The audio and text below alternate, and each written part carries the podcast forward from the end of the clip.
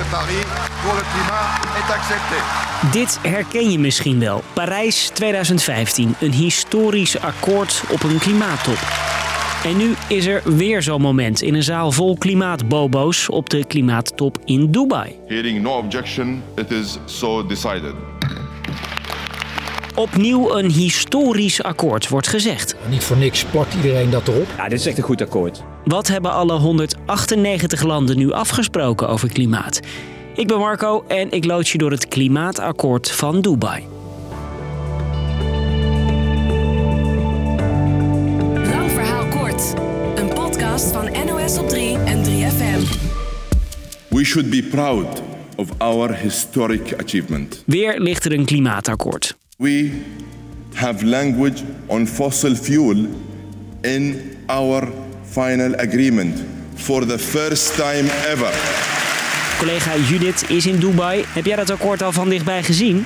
Nou, eh, die teksten, daar zaten we echt al met smart op te wachten. 21 pagina's met allemaal afspraken over het klimaat. eh, en dan, dan ging ik echt als een gek kijken natuurlijk wat het was geworden. En die afspraken die heb je niet zomaar. Er zitten 198 landen aan tafel en die moeten het allemaal eens worden. Through the nights and the early hours of the morning, we worked collectively for consensus. En daar is heel wat discussie aan vooraf gegaan.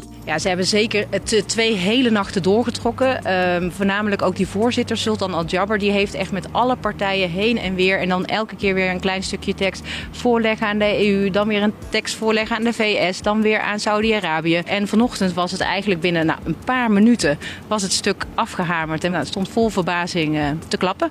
En in al die 21 pagina's staat één heel belangrijk stukje dat de meeste aandacht trekt. Het meest historisch, zoals ze dat noemen, is dat er voor het eerst eigenlijk is gezegd dat eh, fossiele brandstoffen in de toekomst afgebouwd gaan moeten worden. Daarna zijn er ook concrete afspraken gemaakt. Bijvoorbeeld dat er drie keer zoveel duurzame energie gebruikt moet worden in 2030 en twee keer zoveel energie bespaard moet worden.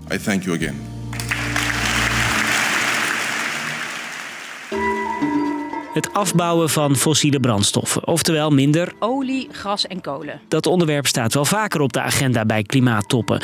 Maar bij de vorige top in Glasgow werden afspraken over het stoppen met fossiele brandstoffen op het allerlaatste moment uit de tekst geschrapt. Veel mensen boos natuurlijk, want fossiele brandstoffen zorgen voor veel CO2-uitstoot, wat klimaatverandering versnelt. We are disappointed both about the process and about this last minute change. Maar nog even, waarom liggen regels over dat afbouwen zo gevoelig, Judith? Ja, dat ligt super gevoelig, omdat er op dit moment gewoon nog heel veel fossiele brandstoffen worden gebruikt. Wereldwijd verbranden we 100 miljoen vaten olie per dag. Het is de basis onder heel veel economieën. Bijvoorbeeld hier in de Golfstaten, eh, Saudi-Arabië, maar ook Amerika, Rusland, China. Dus daar spelen enorme belangen. Toch zetten in Dubai nu wel alle 198 landen hun krabbel onder een akkoord waarin staat dat die uitstoot in 2050 netto nul moet zijn. Er mag er nog wel iets van uitstoot zijn, maar dat moet dan wel gecompenseerd worden door bijvoorbeeld het planten van bomen. Het is toch wel heel erg bijzonder dat dit eh, afgesproken is. Zeker omdat er al zo lang over gepraat wordt.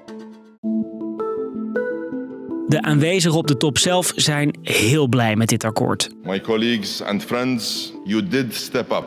You showed flexibility and you put common interest ahead. Ja, oké, zo kan ik wel weer. Want wie zorgt ervoor dat die afspraken dan ook echt worden nagekomen? Het zijn geen bindende afspraken, dus het is niet zo dat landen boetes krijgen als ze hier niks mee doen. Je hoort Judith weer. Het nakomen van die afspraken blijft dus een dingetje. Bij de Parijstop werd bijvoorbeeld afgesproken dat de aarde niet meer dan anderhalve graden mag opwarmen. Tussentijdse conclusie, we liggen nog niet op schema om dat te halen. And at the moment we are heading towards uh, something like 2.5 degrees warming. Toch is dit nieuwe klimaatakkoord niet alleen symbolisch, zegt Europarlementariër Bas Eickhout van GroenLinks PvdA, die ook in Dubai is. Er zijn natuurlijk terechte kritiek. Het is een compromis. Maar als je gewoon even een, van een afstandje kijkt, dan maakt de wereld nu een heel duidelijk signaal naar investeerders. Einde van fossiel en je zal in de alternatieven moeten gaan investeren. Maar of hier nou echt klimaatgeschiedenis is geschreven? Het resultaat is papier. Waar het nu op neerkomt is, hoe gaan landen dit implementeren? Nou, volgend jaar gaat Europa ook die discussie voeren over verder klimaatbeleid. Ja, wat mij betreft moeten wij heel duidelijk laten zien dat in 2040 er een einde aan fossiel is in Europa. We're rolling up our sleeves we have a great deal of work still to be done. Dus, lang verhaal kort. 198 landen hebben hun handtekening gezet onder een nieuw klimaatakkoord in Dubai. Opvallendste detail zijn de afspraken over fossiele brandstoffen. In 2050 moeten we daar mee klaar zijn. En wat deze aflevering betreft, daar zijn we nu al klaar mee. Morgen hebben we weer een nieuwe aflevering. Akkoord allemaal? Ja, It is so decided. akkoord. Dank voor het luisteren.